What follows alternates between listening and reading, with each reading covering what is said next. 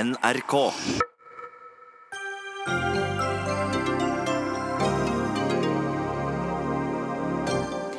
Uakseptabelt. Vi har aldri vært borti lignende. Arbeiderpartiordfører i Trondheim Rita Ottervik bryter tausheten om partikollega og lokal Ap-topp Rune Olsø. SV vil at private sykehjem som mottar offentlige tilskudd, skal tvinges til å ha samme lønnsnivå som de offentlige. Helt feil retning å gå, mener Høyre, som misliker detaljstyringa. Og er det våpenhvile eller ikke i Øst-Ghouta i Syria? Og hva skal til for at storsamfunnet klarer å hjelpe syrerne?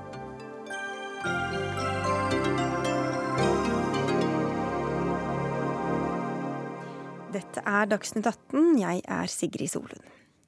Først til saken om Arbeiderpartipolitiker og tidligere fylkesleder i Sør-Trøndelag Rune Olsøs involvering i den såkalte Kystad-avtalen. Spiss ørene nå. I mars 2015 foreslo rådmannen å gi området Kystad i Trondheim varig vern. Det var dårlige nyheter for utbyggeren Kystad, som ville bygge boliger der. Senere samme vår inngikk utbygger Kystad en avtale om å få hjelp av Staur Holding AS, der Rune Olsø jobber som rådgiver, i tillegg til at han sitter i bystyret i Trondheim. Ifølge avtalen på til sammen 6 millioner kroner skulle Staur bistå med reguleringsarbeidet av eiendommene. I avtalen var det en uttrykkelig forutsetning at denne leveransen ble foretatt av Olsø personlig. En måned senere fikk Arbeiderpartiet flertall for å ta Kystad og flere andre småområder ut av vernesonen klare for bygging. Dette har Adresseavisa avdekket. I dag ble det klart at Rune Olsø kontaktet flere medlemmer av byrådet, men at det bare var kameraten Geir Våge som beit på. Ordfører Rita Ottervik i Trondheim. VG skriver i dag at du har gått i hi. Nå er du her. Vi savnet deg i forrige uke. Hvorfor har du ikke svart ordentlig før nå? Ja, nå har jeg svart både Klassekampen og f.eks. Adresseavisa over to sider, men jeg har vært syk, så jeg må bare beklage at jeg ikke har hatt mulighet til å vært med på riktig alt. Og jeg kan fortsatt love deg hostkule hvis jeg er riktig uheldig i dag.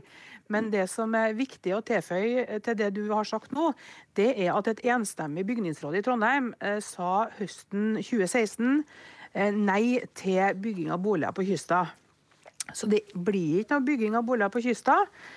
Så det er ikke riktig det du refererer.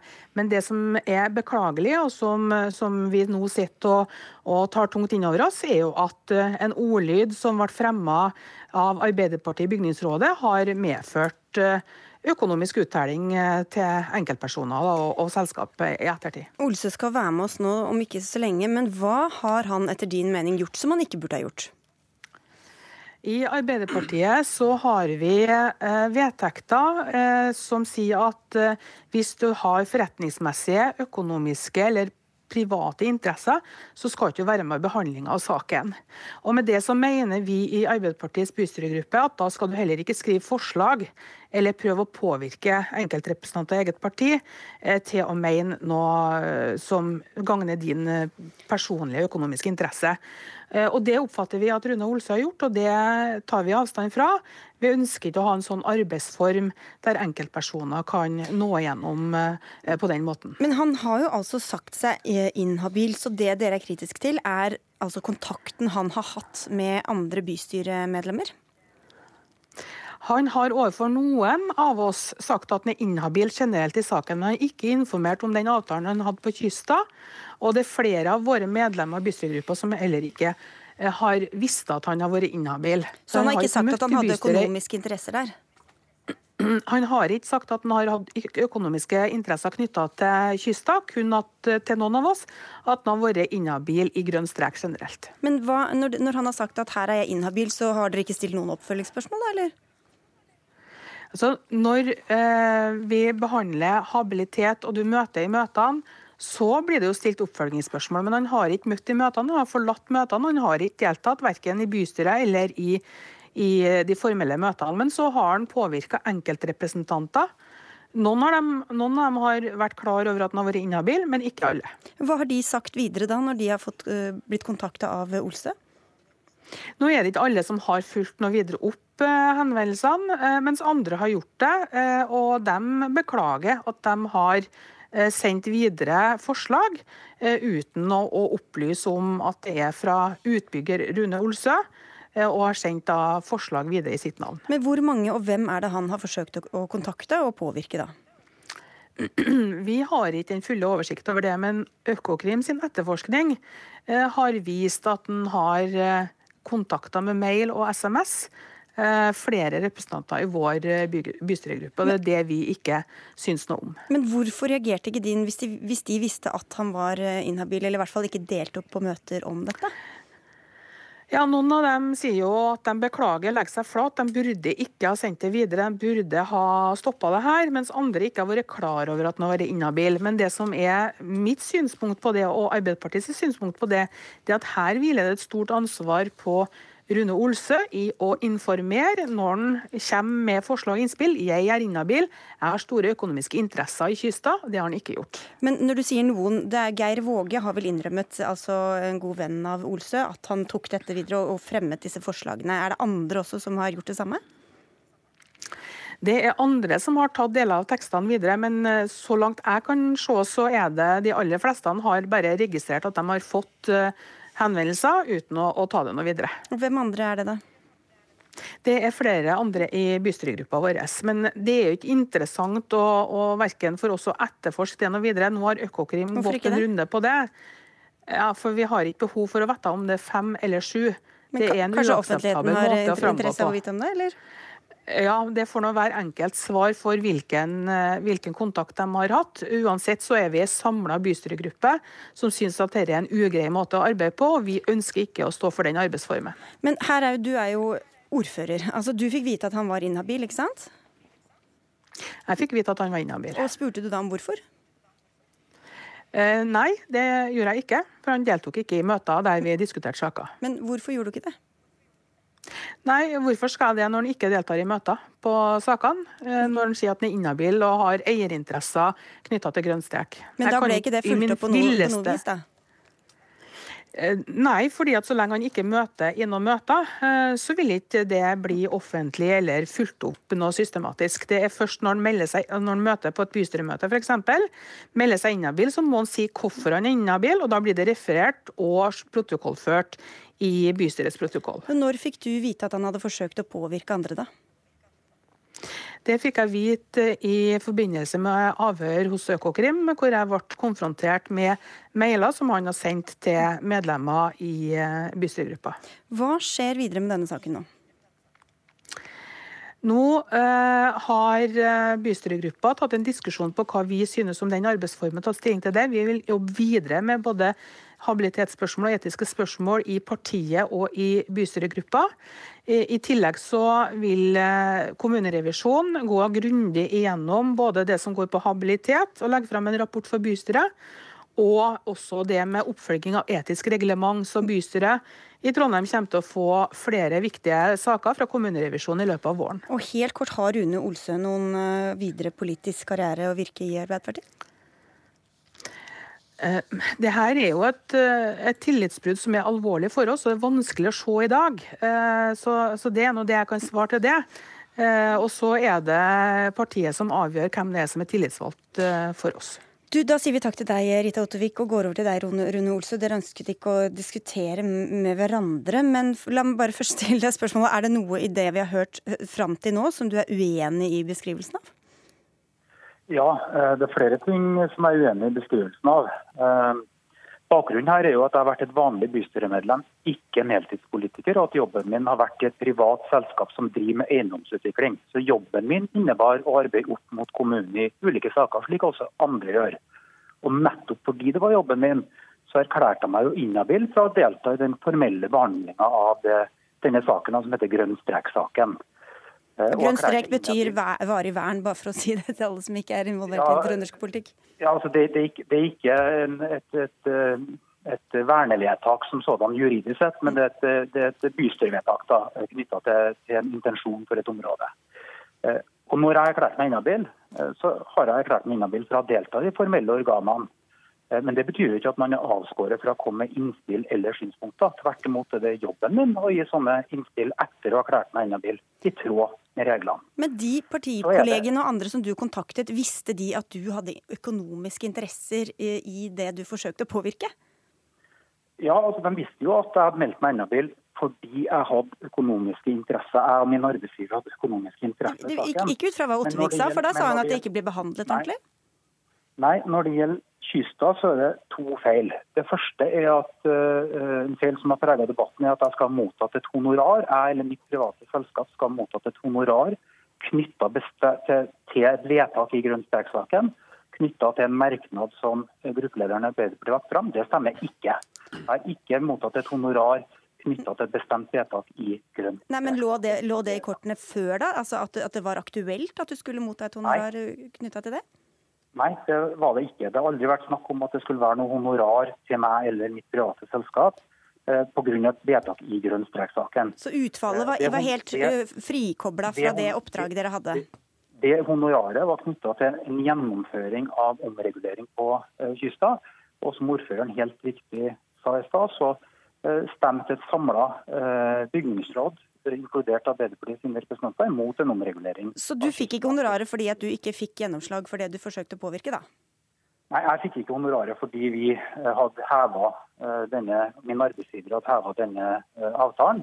Men det var altså etter å ha mottatt delbetaling eh, nummer to, som ja, nå blir det litt teknisk, men eh, hovedpoenget er i alle fall at det var ikke noe honorar knytta til bestemt vedtak i grunnstreksaken for min del, så det stemmer ikke. Nei, men Fikk du betalt for å forsøke å påvirke eh, dine partikolleger og andre i bystyret til å, at Kystad, da, utbyggeren, skulle få gjennom sin sak? Altså, eh, arbeidsgiveren min hadde jo et oppdrag om å få gjennom eh, en regulering på Kystad. Men mm. det vi snakker om her er ikke det. Det vi snakker om her er jo denne grønn strek-saken. Det, det, det er det debatten har gått på. Og jeg har ikke mottatt noe honorar Eh, knytta til eh, utfallet av grønn strekksaken. Men hvor ryddig syns du det var? Og når du erklærer deg først inhabil, eh, og så prøver du å påvirke andre Arbeiderpartikolleger og andre i bystyret? Ja, det er, jo, det er, jo, derfor vi har habilitetsregler. fordi at når man eh, både har en jobb i det private og samtidig er politiker, eh, og eh, må representere jobben sin på vegne av sine egne interesser, Eh, overfor kommunen, overfor politikerne, eh, så må man melde seg inhabil. Det er derfor vi har de her reglene. Jeg har registrert at justisminister Sylvi Listhaug i sitt tidligere arbeid som First House-konsulent fikk betalt for, eh, for, å påvirke sitt eget parti i forhold til å gå inn for OL i Oslo. Forskjellen på oss er at hun deltok i den formelle behandlingen av saken i sitt partis organ, mens jeg også meldte meg inhabil fra det, og ikke deltok i den formelle behandlinga av saken. Hva har det med saken å gjøre, hva Sylvi Listhaug har gjort? Jo, ja, altså, og mange andre. Dette er jo den måten dette er grunnen til at man har habilitetsreglene. Mm. Når du har en jobb eh, som innebærer at du må eh, arbeide opp mot kommunen i forbindelse med ulike saker, eh, så må du erklære deg inhabil. Men det at du erklærer deg inhabil, betyr altså ikke at hun avskårer fra å komme med innspill eller synspunkter. Tvert imot så har det vært jobben min å gi slike innspill etter å ha klart meg inhabil, i tråd med reglene. Er du da enig i at du har brutt Arbeiderpartiets vedtekter? Jeg er ikke enig i det. I vedtektene så står det at uh, den som har personlige interesser i en sak som behandles i partiets organer eller kommunestyregruppe, er å anse som inhabil og kan således ikke ta del i behandlingen av saken i partiets organ. Og Det har jeg da heller ikke gjort. Jeg var åpen om at jeg og min arbeidsgiver hadde interesser i grunnstrekssaken. Det var jobben min å fremme de interessene, og erklærte meg derfor inhabil fra å delta i behandlinga i partiets organer. Jeg har altså kun kommet med innspill og synspunkter etter å ha erklært meg inhabil, som, som partiets vedtekter krever. Så du har ingenting å beklage overfor noen i denne saken, eller? Jo, jeg, jeg, jeg, har lyst til å si det. At uh, det at vi i det hele tatt sitter her i Dagsnytt 18 og diskuterer saken, viser jo at det er flere forhold som jeg både kunne og burde ha håndtert på en klokere måte. Uh, sånn at man kunne unngått misforståelser og spørsmål i etterkant. Det er jo misforståelser som har rammet flere enn meg selv, bl.a. gruppeleder Geir Våge, og det beklager jeg. Mm jeg er lei meg for. så Det har jeg lært av. Eh, og jeg er samtidig selvsagt veldig glad for at det er gjennomført en grundig eh, undersøkelse av Økokrim, og at myndighetene da har slått fast at jeg har fulgt loven og at jeg har fulgt habilitetsreglene i denne saken. Til slutt, da, Ser du for deg noen framtid for deg i politikken framover? Du, Pga. helsemessige forhold i familien min så sitter jeg ikke lenger i bystyret. Jeg har ingen verv og jeg har behov nå for å bruke fritida mi på familien. Så for meg er det en ganske uaktuell problemstilling akkurat nå. Takk skal du ha for at du var med i Dagsnytt 18, Rune Olsø. Tone Sofie Aglen, du er politisk kommentator i Adresseavisen, og det er dere som har eh, dekket denne saken uh, grundig og lenge. Nå er det ganske ulike virkelighetsbeskrivelser vi får høre her. Kan du hjelpe oss å rydde opp litt? Ja, jeg syns det var en litt skjønnmalende versjon vi nå fikk høre. Det som er realiteten, er at Rune Olse riktignok har meldt seg inhabil, men eh, Økokrims eh, etterforskning har jo vist at det i realiteten var han som eh, formulerte det vedtaket og fikk sin gode venn Geir Våge, gruppeleder for Arbeiderpartiet, til å til å videresende det til partiet som sitt eget. Og det var en merknad som førte til at Olses arbeidsgiver kunne fakturere 1 million kroner. Men, men, kan ikke du rydde opp i det også, for her var det litt sånn uh, hva som var honorar og hva som var knytta til det ene og, og som var knytta til det andre? Nei, det her er en avtale som var verdt eh, seks millioner. Den uh, er nå offentlig kjent, den avtalen. Og det var forskjellige delmål knytta til den avtalen, og en av disse delutbetalingene var knytta til den merknaden hvor kysta ble tatt ut av grønn strek. Så er det andre grunner til at den på et senere tidspunkt eh, eh, ble kansellert, den avtalen. Men eh, det var etter at denne politiske vedtaket faktisk har skjedd, og at Arbeiderpartiet åpenbart har latt en inhabil person få formulere selv og et vedtak som ga penger i kassa til hans arbeidsgiver. Hans Petter Sjøli, du er politisk kommentator i VG og har skrevet om dette i avisa di i dag. Det er ganske sentrale personer som er involvert i, dette, i denne saken i Trondheim Arbeiderparti? Ja, det kan du si. Det her er toppfolkenes partnerskap, som det heter seg i norsk politikk. Det her er toppfolka i Ap. De har styrt Trondheim i eh, mange, mange år. 15 eh, år er det vel blitt. Eh, så det her er en ganske ut ganske utrolig ting å sitte og høre på at to såpass eh, folk, to personer som jobber så tett og kjenner hverandre så godt, eh, har så forskjellige versjoner av det som har foregått. Mm. Jeg må si at eh, ja, det er litt det er en spesiell seanse. Hva slags problem er dette blitt nå for Arbeiderpartiet? Nei, altså, det, det, er jo ingen tvil om at Arbeiderpartiet i Trondheim sliter nå. De har jo en ny måling som viser nå at de gikk tilbake 17% ned til 24,1% og det er jo I Trondheim, hvor, de har ligget stabilt på rundt 40 så er jo det et voldsomt fall. Om det skyldes Olsø-sakene, eller om det er en annen sak oppi der som jo har rysta Arbeiderpartiet, som er årsaken til det, vet vi jo ikke. Men det er klart en sånn sak som dette kan jo umulig være noe, være noe vinnersak for Arbeiderpartiet. Hva slags splittelse ser vi, i Aglen, eller, med disse ulike virkelighetsbeskrivelsene som, som presenteres her?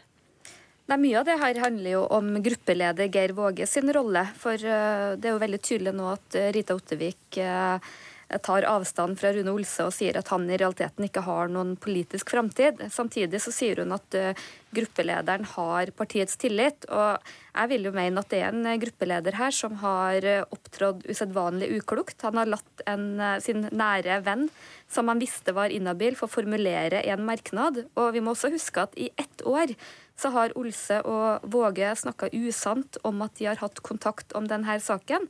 Det er først nå de siste ukene, etter at eh, Økokrim la fram faktiske bevis, at eh, de mm, nå påstår at de faktisk har snakka sammen. Han sa først at han ikke husker.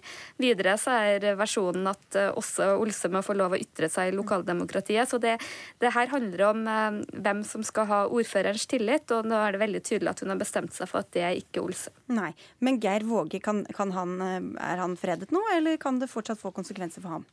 Ja, Det høres ut på Arbeiderpartiet at eh, de nå freder Geir Våge. Jeg syns det er litt merkelig, for han har snakka bevisst eh, eller ubevisst, det vet vi ikke, men han har ikke snakka sant, og det har gått faktisk et helt år. Han har hatt muligheten til å oppklare det her mange ganger. Og jeg tror mange i Trondheim nå stiller seg litt spørsmål er det tilfeldig at Adresseavisen avslørte denne saken? Har det skjedd i andre saker? Og eh, Olse har heller ikke for offentligheten eh, uttrykt noe beklagelse eller forklart noen annen versjon enn enn at han ikke husker, og at uh, dette er en del av lokaldemokratiet. Og for Arbeiderpartiet sentralt så var det vel heller ikke dette de trengte akkurat nå, Sjøli? Nei, og det, og det jeg skrev litt om i VG i dag, er at det er jo, kommer målinger som viser at det står dårlig til sentralt også for Jonas Gahr Støre. Og det er klart, det, det er jo Trond Giske-saken ligger jo liksom litt bak det her, da, fordi det er jo sånn at Trond Giske har vært eh, gudfaren for det miljøet i Trondheim. Vi får bare følge med videre og si tusen takk til alle de involverte i Dagsnytt 18s eh, første sak her. Altså Rita Ottevik, ordfører i Trondheim, Hans Petter Sjøli fra VG, Tone Sofie Øglen og Rune Olsø selv. Takk. Dagsnytt 18 alle hverdager klokka 18. På NRK P2 og NRK2.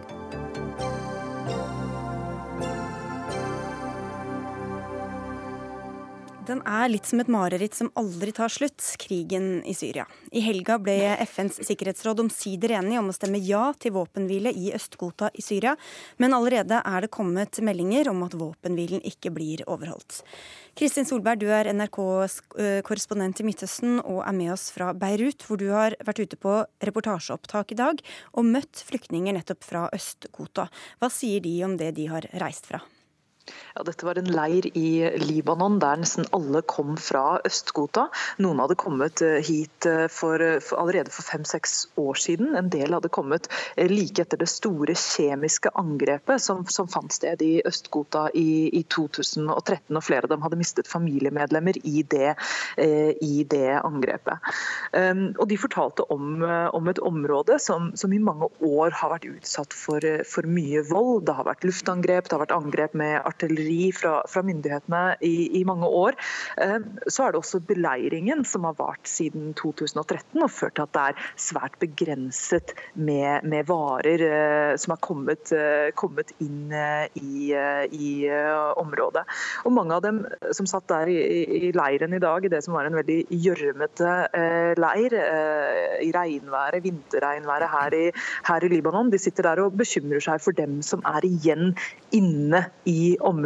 Forsøker å ringe inn til dem, men det er vanskelig å nå folk. Og de følger da konstant med på ny nyheter på nett, på TV, for å se hvordan det går, men sier det er bare dårlige nyheter som kommer derfra nå. Og mange av dem uh, har mistet familiemedlemmer de, i løpet av de siste ti dagene. Hvem er det som um, styrer i Øst-Ghouta nå? Hvem er det som bomber der?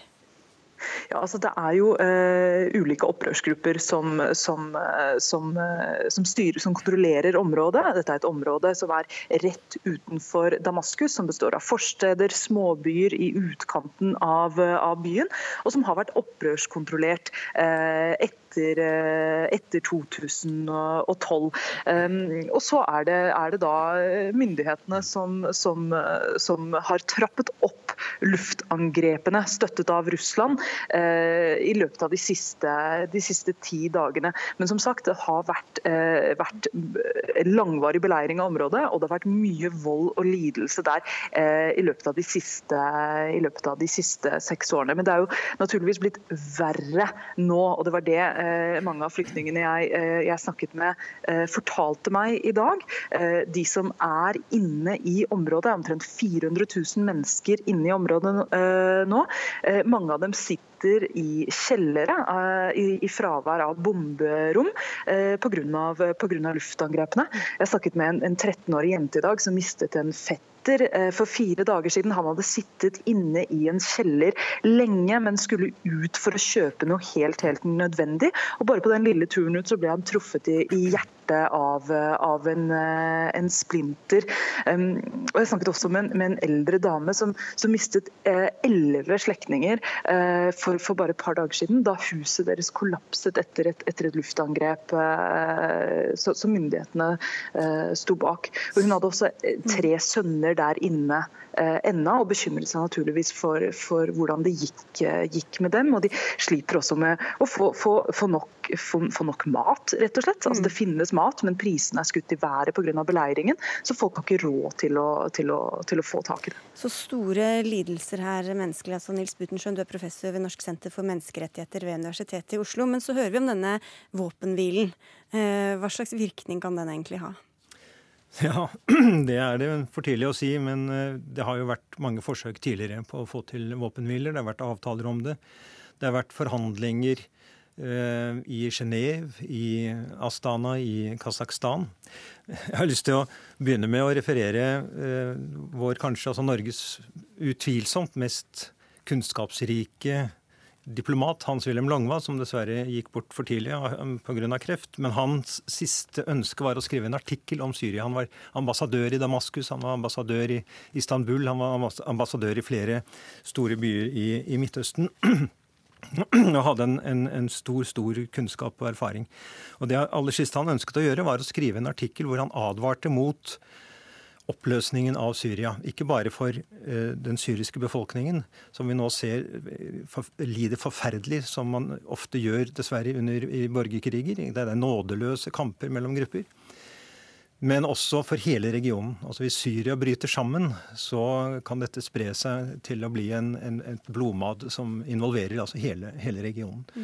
Og, og, Han fikk altså aldri ferdig den artikkelen, eh, men jeg har lyst til å nevne det, fordi det er altså en av våre aller, aller fremste eksperter på området. Vi går også til deg, Sissel du er korrespondent i eh, Istanbul. For dette påvirker jo, som ble nevnt her, ikke bare Syria, men også landene rundt. I januar angrep Tyrkia byen Afrin nord i Syria. Hvordan forholder Tyrkia seg til denne våpenhvilen? Ja, President Erdogan og regjeringen her de bryr seg ikke om våpenhvilen. Eh, Frankrikes president Emmanuel Macron ringte Erdogan i går og sa at denne våpenhvilen gjelder også for Tyrkia. Men Tyrkia mener at de har rett til å fortsette å kjempe mot den syrisk-kurdiske militsen YPG, for de ser på YPG som terrorister. Og med liten skrift i denne våpenhvilen, eh, som skal vare 30 dager, så står det da at våpenhvilen ikke omfatter kampen mot Al Qaida og terrorister. Og tyrkerne ser på YPG som terrorister. Og kurderne og kurdernes situasjon står sentralt her også. Hvorfor det? Ja, fordi at det er jo nettopp de kurdiske syrerne som ønsker å ha en stripe land. Eh, de ønsker en eh, type selvstendighet der. Dette grenser jo til Tyrkia, og tyrkerne er veldig redde for ethvert tilløp til kurdisk selvstendighet, at det også skal smitte over på Tyrkias egne kurdere. Sånn at uh, man føler at dette er en kamp for Tyrkias sikkerhet. Og dermed så fortsetter man. Man har faktisk satt inn bakkestyrker nå. Tyrkiske soldater er på bakken i denne eh, enklaven Afrin nord i Syria. Og tyr tyrkiske myndigheter ønsker også å sende en del av de eh, syriske flyktningene fra Tyrkia og inn til Afrin, fordi at Tyrkia har mange syriske flyktninger, tre millioner til sammen. Og så, ja, Tyrkia har altså et litt skal vi si, nonsjalant forhold til denne uh, våpenhvilen. Det samme kan vel sies også om Russland, uh, Butenschøn. Vi hører at de har en våpenhvile som varer fra 9 til 2 i 30 eh, dager. Hva er det egentlig som skjer der? Nei, altså Det som skjer er jo at Dette området er jo det siste store området som opprørerne holder i Syria. Så dette er på en måte sluttspillet om Øst-Ghouta og på mange måter om eh, de helt sentrale områdene av, av, av, Syria. Enda så er det noen lommer her og der, selvfølgelig. IS eh, har noen lommer. Og, og eh, kurderne har et område i, i, nord. Og disse tiltrekker seg jo nå disse omliggende statene for i dette sluttspillet. Og det er litt dette som også Longva var inne på, at vi, vi står nå overfor et, et slags veiskille eh, i området. Og det finnes jo bl.a. sikkerhetsrådsresolusjoner og andre erklæringer fra partene om at man ønsker en politisk løsning. Men russerne, eh, for dem så er det, er det nå veldig viktig at ikke Assad styrtes uh, som en del av en, av en, slik avtale. At man får en overgangsordning. Uh, dette har jo vært forhandlet om i Astana, det har vært forhandlet om i Genéve gang mange ganger uten at man har nådd, nådd, nådd, frem. Og Det som er skummelt nå, er at Russland, USA, eh, Iran, Tyrkia har investert så mye prestisje i, i, dette, og det er så mye våpen på gang. Det er så mange eh, konfliktlinjer som fortsatt er veldig, veldig varme. Så, eh, så eh, faren for at man får en spredning og en utløsning av enda videre kriger i området, er absolutt til stede. Og nå bare for et par uker siden så bombet jo Israel viktige militære installasjoner i Syria. Så Eh, Iran er til stede. Eh, Saudi-Arabia finansierer opposisjonsgrupper. Så, det er, det er en, en, veldig ustabil situasjon, og veldig mye våpen. Og veldig påvirker alle som vi hører her, altså rundt oss. Sissel Wold, helt tiden løper fra oss her, men til slutt her. Det er også 900 mennesker som er blitt anholdt, noen arrestert for å ha tvitret negativt om krigen. Hva kan du si om dem? Ja, Det mest opprørende var kanskje at eh, elleve representanter fra legeorganisasjonen her ble anholdt fordi at de sa at krig er skadelig, helseskadelig, folk dør og blir skadd. Og det er lagt lokk på all kritikk av eh, denne militære operasjonen mot Afrin her i Tyrkia. Så eh, det er nesten umulig for noen å kritisere krigen. Takk skal du ha, Sissel Wold, og takk til deg, eh, Kristin Solberg. Og tusen takk til deg, Nils Butenschøn, for at du kom til Dagsnytt 18.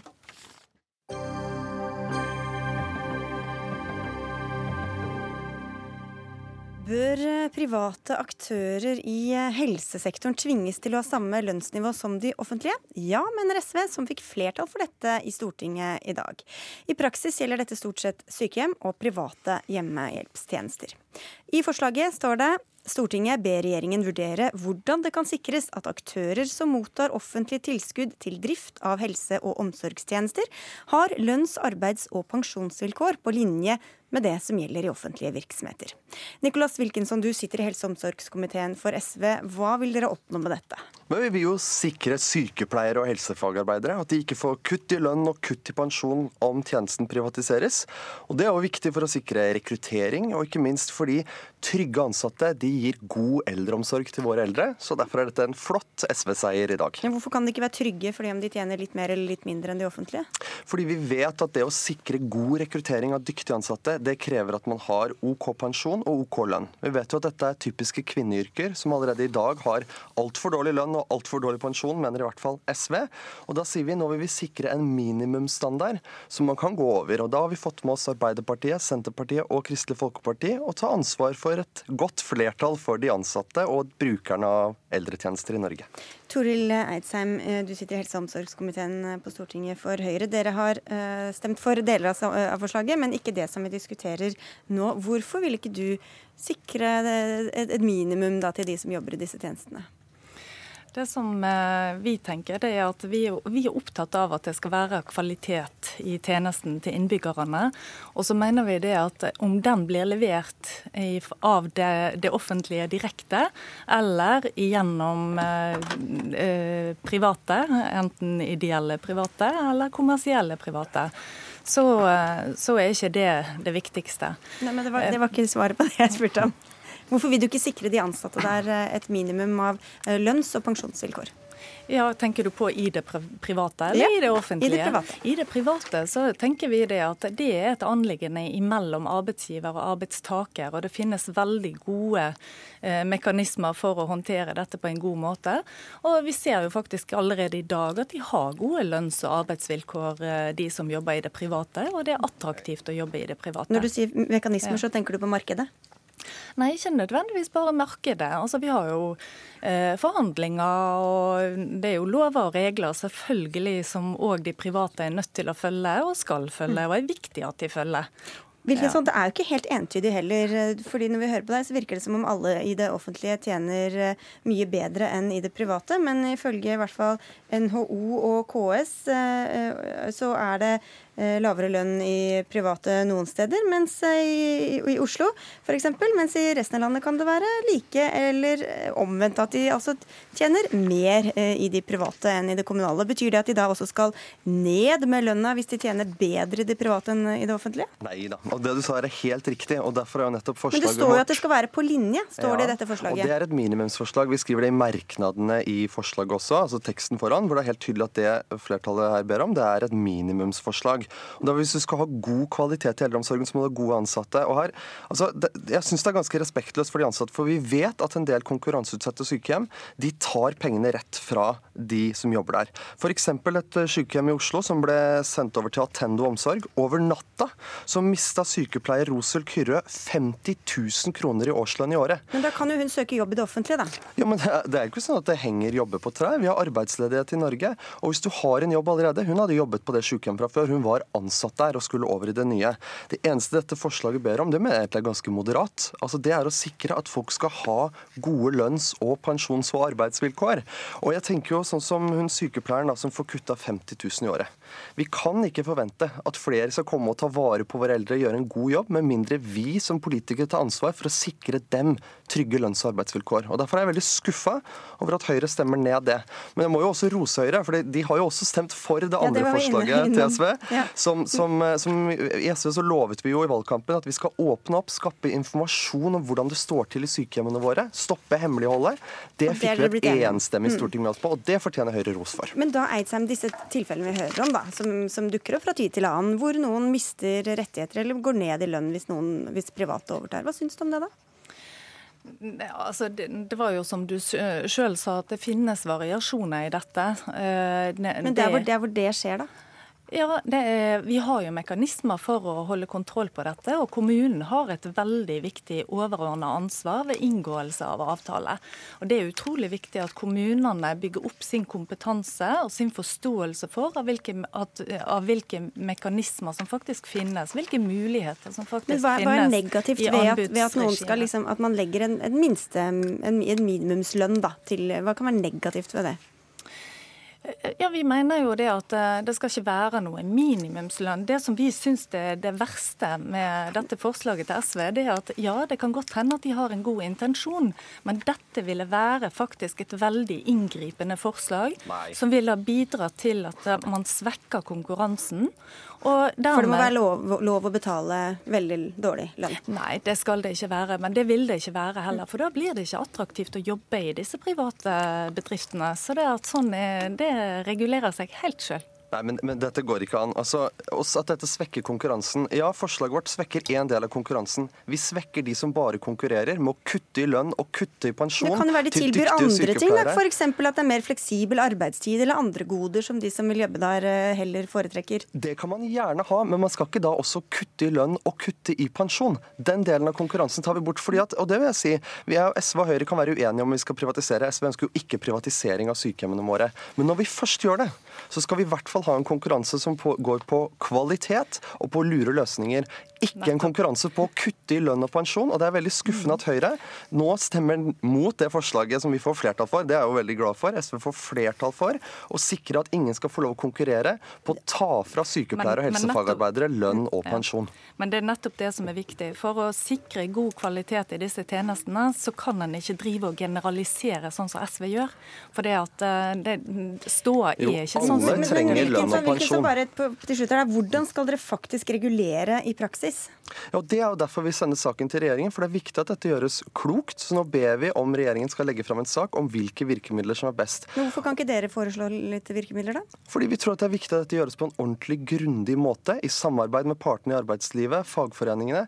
Og grunnleggende som ligger i forslaget er jo egentlig ganske enkelt. Det handler om å sikre at våre sykepleiere og helsefagarbeidere skal sikres en OK lønn, en OK ja, pensjon. Men hva betyr det, de på linje med det som gjelder i offentlige virksomheter? Hva betyr Hva slags slingringsmonn kan du ha da? Det, det betyr f.eks at hvis du privatiserer eh, et sykehjem, sånn som de gjorde i Oslo, med Attendo omsorg på Rødtvet, så får de ikke lov til å kutte lønna til sykepleieren med 50 000 kroner i året. Hvor mye kan de kutte med det? Da kan de ikke kutte lønnen til sykepleieren med 50 000 Det står jo bare på, på linje, så det skal ja. være på kroner og øre, da. Så da må det være like godt. Hvis du vil flytte noe over til pensjon, så kan du f.eks. diskutere det, men du må være på linje med. Denne type detaljstyring hører overhodet ikke hjemme i Stortinget på noe som helst vis.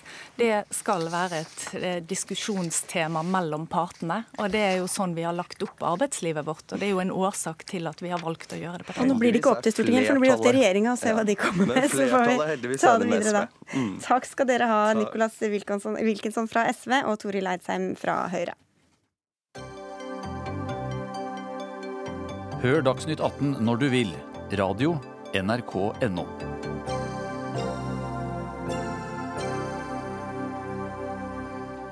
Norge må sende flere soldater til eh, FN-tjeneste, bl.a. fordi det kan heve vår anseelse og ansvaret vårt i eh, FN. Dette budskapet kommer gjennom Aftenposten fra deg, Anniken Huitfeldt. Du er leder av Stortingets utenriks- og forsvarskomité og sitter der for Arbeiderpartiet. Hvorfor er det viktig at vi får bedre anseelse i FN akkurat nå? Det viktigste er jo at vi bidrar i verdenssamfunnet. Aldri har FN blitt pålagt så mange oppgaver for eh, forebygging og fredsbevaring. Det har aldri vært så mange soldater på jobb for FN. Men samtidig så er antall norske FN-soldater historisk lavt. Mye lavere enn andre land. En tiendedel av Sverige, en tiendedel av Finland. Og mens andre land, sånn som Storbritannia og Frankrike, sier at de vil bidra mer, så venter vi fortsatt på et svar fra norske myndigheter. Og tidligere så har jo årsaken vært at vi ikke har sendt så mange til FN. At vi har hatt store bidrag i både Afghanistan og Irak. Nå tar vi de ned, og da er det på tide at vi tar et større internasjonalt ansvar for at disse operasjonene skal bli bedre. Men samtidig så driver norske diplomater og politikere en valgkamp for å sikre Norge en av de ti roterende plasser, plassene i FNs sikkerhetsråd. Og så blir dette kobla opp mot antall FN-soldater. Hvor avgjørende er det for vårt kandidatur å sende flere soldater, mener du? Det er ikke avgjørende. Men det, men det hjelper? Og Det skal ikke være slik at vi skal bidra internasjonalt i operasjoner vi ikke tror på. For det som er viktigst, tror jeg, er også at vi bidrar med kvalitet. Ja, men Er det en sammenheng her mellom denne valgkampen og det, det, ditt utspill om å altså, sende flere soldater? Hvis vi mener at FNs sikkerhetsråd er viktig, så må vi også bidra der hvor vi mener det er viktig. Ja, og Derfor så mener jeg at ikke vi skal sende soldater som en del av en valgkamp. Det vil være galt. Men det er klart når vi ser at veldig mange land ønsker å øke sine bidrag for å heve kvaliteten, så må også Norge bidra. For vi vil gjøre FN-systemet viktigere. Og vi kan ikke bare bidra gjennom eh, koalisjoner som er ledet av USA eller Nato, vi skal også bidra gjennom FN. Michael Tetzschner, stortingsrepresentant for Høyre. Hva syns du om den um, koblinga om løs eller fast eh, mellom å sende soldater og medlemskap i FNs sikkerhetsråd? Jeg syns det er en eh, ganske betenkelig kobling. Eh, for det første må jeg si at Arbeiderpartiet bør absolutt være mer kresen i hva de velger å kritisere eller angripe regjeringen for. Jeg vil si det hadde vært direkte kritisabelt om regjeringen hadde gått foran og sagt at fordi vi skal gjerne ha en plass, eller ønsker oss en plass i Sikkerhetsrådet, så skal vi altså sende flere norske soldater ut i felten og utsette våre mannskaper for den risikoen det alltid er å være i felt. Så her må man ikke veksle den ene valutaen inn i den andre. Jeg vil altså si at dette er en ganske oppsiktsvekkende kritikk, for den nettopp sier at regjeringen ikke skal legge vekt på det som er avgjørende for våre styrkebidrag ute. Det er nemlig en sikkerhetspolitisk vurdering. Hvilken nytte kan vi gjøre i det konkrete området? Har vi lokalkunnskap? Er styrkene egnet? Hvordan passer de inn i rulleringen med hjemmestyrkene osv.? Og og, dette er eh, viktige og relevante eh, avveiningsmomenter. Men det som ikke hører hjemme i den avveiningen, det er om vi eventuelt får en plass Eh, ved et bord i et organ. Det, det, det, det, må jeg virkelig si at jeg skulle ønske at Arbeiderpartiet kunne uh, demontere den tenkningen. For det fortjener, ikke, det fortjener ikke våre styrker. At de tror altså at de er ute av, av rene uh, valgtaktiske hensyn. Ærlig talt, Tetzschner. Ærlig talt. Du beveger deg nå i en retning i den utenrikspolitiske ordskiftet i Norge hvor du ønsker at vi skal misforstå hverandre bevisst. Det har vi liten tradisjon for i Norge. Det har vi liten tradisjon for i Norge. Hvis vi ser på alle de ser, hvis vi ser på alle de som nå deltar i oppdrag for FN, så ser vi at Europa, Nato, deltar mindre og mindre. Kina deltar mer og mer. Britene sier de skal delta mer, de er ikke kandidater til FNs sikkerhetsråd. Canada sier de skal delta mer. Jeg mener ikke jeg mener ikke at vi skal sende for å oppnå stemmer, men jeg mener at det er viktig. Og det vet jeg også. Du sier at Hvis vi vil vise alvor eh, til FN, ja. så må vi samtidig underbygge det gjennom å, å, sende flere soldater. Jeg mener at vi skal styrke FNs sikkerhetsråd. Jeg mener at vi skal delta mer i fredsbevarende operasjoner. I dag så har vi 32 norske soldater som deltar internasjonalt. Aldri vært så lavt. Og vi må ta internasjonalt ansvar. og Det mener jeg også at regjeringspartiene her bør være mer ydmyke. Jeg er sikker på at det er et samlet storting som ønsker at vi skal delta mer i internasjonale operasjoner for FN. Det, det er det i hvert fall flertall for på Stortinget. Da vi bestemte oss for å sende flere soldater til Mali, så sa jo daværende forsvarsminister at det var for å imøtekomme Stortingets behov om større ansvar. Så her syns jeg vi skal ha en saklig diskusjon, ikke mistenkeliggjøre hverandre. Men bare for høre med deg, Tetzschner, er, det så, altså, er det så ulogisk å si at vi ønsker å styrke FN? Det må vi bl.a. vise gjennom uh, å bidra mer inn i, i operasjoner der. Og så uh, også hvis vi ønsker å få denne plassen, så, så virker det rart å liksom gå for det uten å vise at vi bidrar og at vi forplikter oss. Jo, men her argumenterer man som om man ikke er klar over at vi er i FN-tjeneste allerede nå. Vi du sa bare at det, for, at det, var mindre enn det hun ønsker ja, å være. Ja, det er også en annen, eh, en annen, misforståelse eller vridning av fakta, alt ettersom man kjenner fakta eller, eller bare har tatt feil i sin eh, vanepregete kritikk av regjeringen. Fordi vi er på det nivået som, eh, som Huitfeldts egen regjering syns var, var, riktig og naturlig. Så det er heller ikke riktig at vi er på et historisk lavmål. Men det vi skal dimensjonere de norske styrkenes og deres bidrag etter, det er de konkrete oppgavene oppgavene, hvilke forutsetninger har våre mannskaper for å løse oppdraget. og Da må det være en sikkerhetspolitisk vurdering og ikke en valgtaktisk vurdering om hva vi ønsker å oppnå av tillitsverv ved FN-systemet. Men Det dere i hvert fall er enige om, er jo at dere ønsker at Norge skal få en plass eh, rundt dette bordet. Men der er du mer tvilende, Christian Tybring-Gjedde. Du sitter jo i utenriks- og forsvarskomiteen for Fremskrittspartiet. Hva syns du om denne kampanjen for at Norge skal få denne plassen? Ja, Nå har vi drevet en valgkamp i ti år, uh, ulikt, uh, helt uviss på hva som egentlig er motivet for at Norge ønsker å komme dit. Uh, sannsynligvis er det også diplomatiet selv som ønsker å komme dit. Og det å tro at Norge har disse unike egenskapene til å skape fred og sikkerhet rundt i verden globalt, det tror jeg verken er i Norges interesser, eller i ellers er det heller ikke korrekt. Det står i veivalgsmeldingen fra regjeringen at vi skal ha norske interesser først. Og Det er ikke gitt at det er å være medlem av Sikkerhetsrådet, så jeg føler at vi skal følge vår egen politikk. Eh, før vi eh, eventuelt ønsker dette. Jeg vil gjerne ha en diskusjon om hvorfor vi gjør dette, hva vi mener vi kan bidra med, eh, og ikke minst da det kommer til Annikens poeng, nemlig at vi ikke skal drive noe valgkamp basert på soldater eller bidra med penger eller noe sånt. Hvis det er slik at vi har en unik kompetanse som FN virkelig etterspør, uten at vi bidrar med penger, ja vel, så skal jeg gjerne gjøre det. Men jeg er ikke gitt at et lite land med fem millioner mennesker og et, også et, et, begrenset forsvar som trenger pengene til forsvar av Norge og forsvar av Nato, skal, skal, gjøre det som Anniken sier, og ei heller være medlem av Sikkerhetsrådet. Ja, Nå har jo du sluttet deg til dette i stortingsmeldingen om veivalg. Det har også Frp gjort.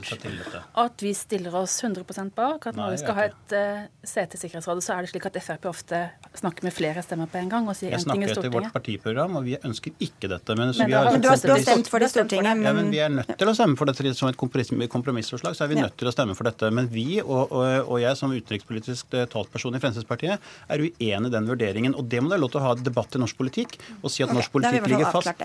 Ja, ja, det er ganske dere stemmer for én ting, og så sier dere noe annet. Nei, men Vi er nødt til å kompromisse, akkurat som dere gjorde i forrige regjering. Ja, men, men, til dette poenget da, eh, om at er det liksom dette Norge altså Vi bidrar med ekstremt mye penger inn i FN. Mm. Eh, om vi også nå skal bruke veldig mye tid og penger og ressurser på å, å kapre en, en plass rundt, rundt dette bordet. Jeg mener jo at det er viktig. Jeg syns det er viktig at også Sverige har et plass rundt dette bordet nå. Og vi ser jo en verden hvor supermakter supermakter, stormakter, får stadig større innflytelse. Hvor internasjonal lov og orden får mindre betydning. Og da kan vi styrke internasjonal lov gjennom å styrke de internasjonale institusjonene. Hvor vi tøyler stormaktene, hvor vi kommer fram til gode internasjonale løsninger. Syria har blitt diskutert før her i dag. Og det er klart at Sverige i det nåværende Sikkerhetsrådet spiller en viktig rolle. Slik at jeg mener at vi vil være en eh, sterk kandidat til FNs sikkerhetsråd. Nå er det, du sitter på, ja, og jeg tror at regjeringen og utenriksministeren vil gjøre en god jobb. Okay, for å få det til. Hva sier du til det Tybring-Gjedde sier? Nei, altså, Jeg mener Tybring-Gjedde uh, inntar et standpunkt som er helt legalt, men egentlig ikke er det sentrale i den diskusjonen vi har med Anniken Huitfeldt her. Fordi, ja, men Vi diskuterer begge deler, nei, da. Nei, ja, men Da er det viktige her. Fordi Det som er det farlige fordi Det er helt greit å si vi skal satse mer på FN, eller noen mener vi skal satse mindre på FN. Det kan vi ha en lang og meningsfull diskusjon om. Men det som er det alvorlige i denne saken, her, er at Arbeiderpartiets fremste utenrikspolitiske talsmann kobler uh, vår deltakelse i farlige og skarpe situasjoner med det at vi skal ha plass ved bordet Det har hun svart på. Nei, det det har hun nemlig ikke. Det har du ikke. Nei, og da må jeg få lov til å det bare vise hva Det er du som har sørget for denne koblingen. Fordi jeg kan bare vise, og nå siterer jeg det du har sagt til Aftenposten, følgende. Eh, Anniken Huitfeldt sier Sitat, Dette er viktig for Norges anseelse i FN, og ikke minst for kandidatur til FNs sikkerhetsråd. Hun viser til at de to landene som Norge konkurrerer med om en plass i Sikkerhetsrådet, trapper opp eller i alt i dag sender flere tropper i, i FN-tjeneste. Sitat slutt. Dette er en direkte kobling om å konkurrere med eh, eh, personell i uniform. Koblet opp mot at noen ønsker en plass ved bordet i, Vi, men, i vi, et vi, organ. må, vi må Og også det- til, til det fordi du- Da sier du Ja. at det er en eh, overdrivelse? Også, mener jeg også at jeg vil også be om et svar fra Tetzschner. I dag har vi 32 norske FN-soldater, historisk lavt. Ja, men det, det er en tiendedel av andre land. Mener Tetzschner at vi skal øke dette antallet, eller er det helt irrelevant? Mener Tetzschner at vi skal ha dere- et større da- bidrag, vi- eller ikke? Ja, Det har vi vi var svar veldig på. kort på det, Tetzschner. For Ja. jeg vil Ja. til det Eh, og til Tybring-Gjedde sa òg. Ja, eh, For det første så ligger vi på omtrent 40, og det har vi ligget på i ca. 20 år, med variasjoner opp og ned. Det er helt irrelevant å dimensjonere dette opp eller ned ettersom vi er kandidat Ja, eller ikke du. kandidat. Men, men da vil jeg til det, til det Tybring-Gjedde sa, fordi Ja. tiden går så fort her. Det er ja, altså snart 20 år siden sist Norge hadde en av disse roterende plassene. Hva var det Norge da fikk utrettet som andre land ikke hadde fikk utrettet? Overhodet ingenting. Nei, men det var egentlig til Tetzschner. Ja, det kan jeg si. jo, jo, jo, jo, det skal vi passe på. At, og jeg syns ikke vi skal snakke ned de norske diplomatiske bidragene, som det også kan være en tendens til å gjøre. Vi skal ikke overvurdere oss selv, men det er jo viktig at demokratiske, veletablerte land, rettsstater, melder seg og prøver å påvirke FN i riktig retning. fordi vi må huske på at det er også land, kanskje et flertall i generalforsamlinger, som ikke bekjenner seg spesielt til rettsstatlige prinsipper eller demokrati. Og da må vestlige land, eh, enten Norge eller Nederland eller eh, hvem det måtte være som deler våre verdier, selvfølgelig stille opp og kandidere på de postene som er ledige. Det, det, men det, er akkurat, det, er akkurat den, det er akkurat denne holdningen som er, er skummel, nemlig at vi opphører opphøyer oss selv til å tro at vi, skal, at vi skal representere noe som er helt unikt, og det gjør vi faktisk ikke. Det er ganske mange land i verden som aldri har sittet i Sikkerhetsrådet, og som utmerket godt eh, kan sitte der. Også vår stemme inn i FN er også et valgfleskforsøk. når vi da stemte mot USAs ønske om eh, å, å, å akseptere Jerusalem som Israels hovedstad, hvor det store flertallet holdt seg nøytrale, men Norge stemte altså imot USA. Det var åpenbart også et forsøk på å gjøre, til, gjøre seg til, eh, til lags med stort flertall av de muslimske landene i, i FN, som gjorde oss bedre kandidat til å sitte i Sikkerhetsrådet. Og Det mener jeg er en måte å selge Norges eh, identitet på og Norges eh, integritet på, som jeg ikke aksepterer. Derfor, derfor er jeg imot dette medlemskapet og den valgkampen som vi bedriver. Jeg er mot bevisste misforståelser i det utenrikspolitiske ordskiftet. Men du Jeg skulle sitert- det var ikke feil, det sitatet Tetzschner dro- fram. Men var det feil, eller var det ikke feil? Ja, Det er tatt ut av sin sammenheng, og han misforstår det helt bevisst for å ikke svare på spørsmålet, som det er et flertall for i Stortinget. Og Jeg skulle ønske vi kunne diskutere det. Og det er hva kan Norge gjøre for å styrke FN? Hva kan vi gjøre for å få flere fredsbevarende operasjoner? operasjoner? okay, okay. Det er et stort støtte for støttet på FN i norsk Unnskyld stykker her, venter unnskyld for utenfor her. programleder. Altså, Anniken Huitfeldt ville aldri fått et oppslag på en generell debatt om vi skal bevilge mer eller mindre til FN. Men det som er nyheten i dette, det er at hun er villig til å dimensjonere norske militære, den norske militære innsatsen ut fra noe så taktisk betont som at vi stiller til en plass i Helt enig. Vi fikk i hvert fall diskutert her. Dere, tusen takk skal dere ha, Anniken Huitfeldt, eh, Michael Tetzschner og Christian Tybring-Gjedde.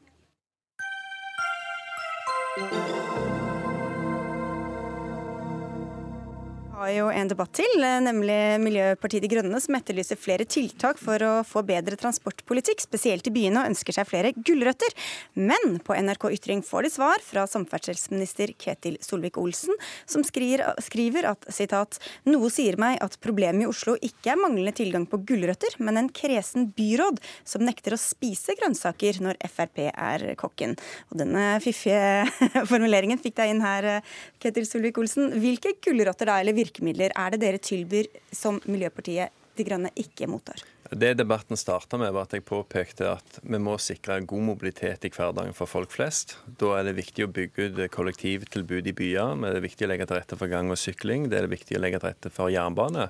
Men vi må unngå at vi òg straffer de som er avhengig av bil, eh, spesielt i distriktene. Og det skapte jo denne motreaksjonen. Ja, men nå brukte du dette ordet grønnsaker eller gulrøtter, altså, og, og, og, presenterer det i hvert fall som at uh, dere tilbyr ting til uh, MDG eller andre storbyer da, som de ikke mottar, og ja. hvilke virkemidler er det? I, altså det jeg påpekte i debatten, at når det eneste MDG klarer å få med seg at Frp er glad i bil, men ikke får med seg at vi har økt jernbanebevilgningene fra 60 milliarder de foregående fem årene til 108 milliarder nå, at vi har tredobla kollektivbevilgningene til byene, at vi har økt kraftig eh, sykkelveisatsingen, da er det noe galt i måten MDG tilnærmer seg debatten. Så du etterlyser mer ros og takknemlighet? Nei, det jeg påpeker at når det eneste som MDG klarer å være opptatt av, er hvor mye de misliker bilene, at selv når de blir utslippsfrie, så misliker de at folk kjører bil. Da blir debatten helt på feil, feil premiss. Og når da med MDG etterlyser gulrøtter og snakker om sykkelveier, tog, kollektiv, og vi nettopp har gjort det jeg nettopp nevnte, så blir det litt meningsløst å diskutere. Arild Hermstad, du er sentralstyremedlem for Miljøpartiet De Grønne. Er det sånn at dere liksom ikke ser alle gulrøttene og deilige grønnsakene fordi det er Frp som tilbyr dem? Altså For det første så har jo ikke Solvik-Olsen noe godt svar. Han det er Vi tar imot alt vi kan få. Eh, vi tar imot med begge hender. Og i Oslo hvor vi har makten, så gjør vi jo mye mye mer enn det vi får midler til. F.eks. så har vi tredoblet sykkelveilengden i Oslo siden vi startet, det vi bygger hvert år. Vi har tredoblet ladepunktene. Vi har eh, Nå Skal dere komme hver deres skrytelister, skjønner jeg? For første, ja, men altså for første gang så er det flere folk som velger kollektiv enn buss. Um, nei, som en bil. Og vi ser at um, dette er noe folk vil ha. Uh, vi anerkjenner at Solvik-Olsen har økt jernbanebudsjettet, men han sier jo ikke at han har doblet bil, veibudsjettet. Det, det, har økt dobbelt så mye som jernbanebevilgningene. Og Det som er utfordringen for byene og vi, vi, er enige om at i distriktet så trenger vi bilen. og Det er viktig med veier, og det er viktig å ta vare på de veiene vi har, og, og ta vare på de på en ordentlig måte. Men i byene så skjedde det noe på 50-tallet. Og det var at man hev ut de gamle trikkene, eh, man hev ut uh, sykkelveiene, og man gjorde plass for bilen. Et kjempevellykket prosjekt. Eh, bilene overtok byene både i Norge og i en hel haug med andre land.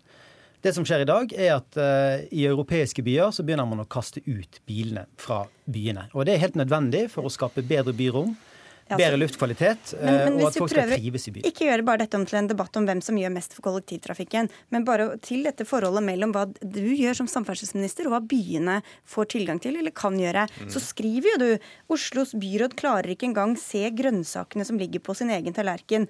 Hvilke grønnsaker er det da dere tilbyr som MDG eller andre ikke går for? Du må lese det opp mot den artikkelen hun skrev, der jeg listet opp alle grønnsakene som kommer, og hun sa vi trenger gulrøtter, vi får ingenting.